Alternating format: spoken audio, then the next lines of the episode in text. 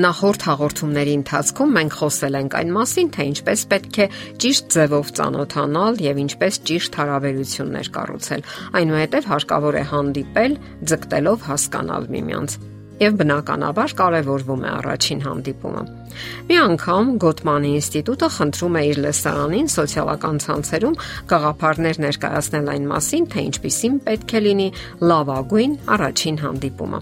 Առավել հաճախ հանդիպող պատասխանները եղել են այսպիսին. Առաջին հանդիպման ընթացքում հարկավոր է քայլել եւ զրուցել։ Մեծամասնությունը առաջարկել է քայլել ամենատարբեր եղանակներով՝ գնալ արշավների, զբոսնել այգում կամ քաղաքում։ Նրանք բոլորն էլ այն կարծիքին էին, որ քայլելը թույլատնում է առաջին հանդիպման լարվածությունը։ Զբոսանքի ժամանակ պարտադիր չէ տեսողական անմիջական շփում ապահովել, եւ այդ ընթացքում շփումը ավելի անկաշկանդ է լինում։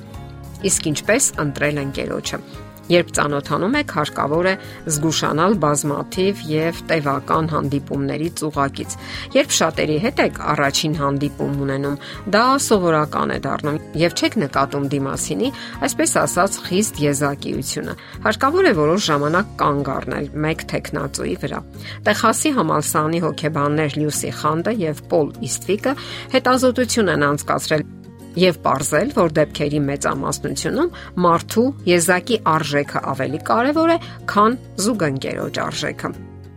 Զուգընկերոջ արժեք արտահայտությունը նշանակում է մյուս մարդու արտաքին տվյալների վերաբերյալ առաջին տպավորությունը եւ գրավչության գնահատականը։ Իսկ եզակի արժեքը դրսևորվում է ժամանակի ընթացքում միմյանց հետ ապրած իրադարձությունների եւ առավել մերձ հարաբերությունների ընթացքում։ Հարցն այն է, որ հարկավոր է հասկանալ ու պատկերացնել, որ մարդու կարևոր որակները նկատելու համար մեկ հանդիպումը կամ առաջին ժամադրությունը բավական չէ։ Դրա համար բավականաչափ ժամանակ է պահանջվում։ Այդ պատճառով էլ ավելի լավ է դանդաղ ճանաչել մարդուն եւ հնարավորություն ստեղծել երկրորդ կամ երրորդ ժամադրությունների համար։ Նախքան կհանեք նրա տեխնացությունը եւ կանցնեք մեկ ուրիշ տեխնացուի հետ հարաբերություններին։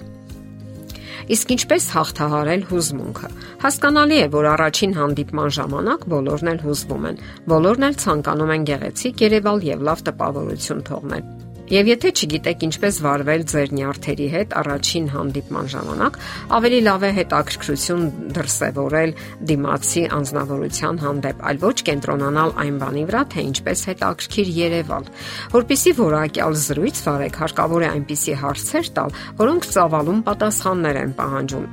ինչպես նաև այնպիսի հարցեր, որոնք խորացնում են եւ զարգացնում զրույցի թեման։ Օրինակ, եթե մարդն ասում է, որ սիրում է իր աշխատանքը, դուք կարող եք նրան հարցնել. Իսկ ի՞նչն է ամենից շատ դուր գալիս ձեզ այդ աշխատանքի մեջ։ Ինչն է գրավում։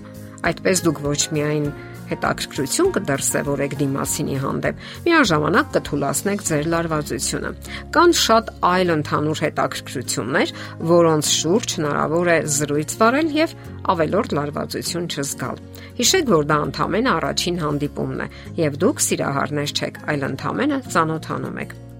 Իսկ ինչպես վարվել, որpիսի առաջին հանդիպումը չդառնա վերջինը։ Բնական է, որ դուք երկուստ էլ ցանկանում եք գտնել ձեր կյանքի լավագույն ընկերոջը եւ սպասում եք լավագույնը այդ հանդիպումից։ Դուք ենթագիտակցաբար ցանկանում եք գravel դիմացինին Երևալ ձեր լավագույն կողմերով եւ այնուամենայնիվ գոյություն ունեն սկզբունքներ ու կանոններ, որոնք իմանալն ու որոնց հետևելը կօգնի դրան։ Հանդիպումների ժամանակ եղեք վստահ, սակայն կարողացեք նաև քննադատորեն նայել ձեզ։ Վստահություն չի նշանակում իրեն բարձր դասել մյուս մարդկանցից։ Մենք իհարկե պետք է մարդկանց ցույց տանք, որ լավ կարծիք ունենք մեր մասին, սակայն դա չի նշանակում པարծենալ եւ գլուխ գովալ։ Առաջին հանդիպման ժամանակ անիմաստ է նաև սիրախաղի նոտաներ մտցնել զրույցի մեջ։ Օրինակ, Օրինակ, եթե ասում եք, ես սիրում եմ երեկոյան հիանալ Էյֆելյան աշտարակի գունագեղ գույներով կամ սիրում եմ երեկոները լողանալ լուսնի թափանցիկ լույսի տակ,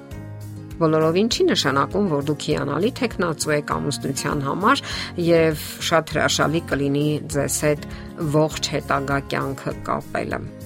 Ընթակառակը. Շատ ավելի գրավիչ է նա, ով կարողանում է տեսնել սեփական թերությունները եւ թուլությունները, իր անկատարությունը։ Ընդ որում նաեւ կարիք չկա ցուցադրելու դրանք ի տես բոլորին։ Կարիք չկա օրինակ մատուցողի վրա բղավելու, գանգատվելու թե ինչպես են ձեզ խაფել ձեր ընկերները կամ այլ մտերիմներ, որքան անշնորհակալ են նրանք,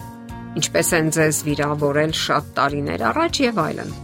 Հնարավոր է հենց առաջին հանդիպման ժամանակ դուք նկատեք դիմացինի թերությունները։ Պետք չէ շտապել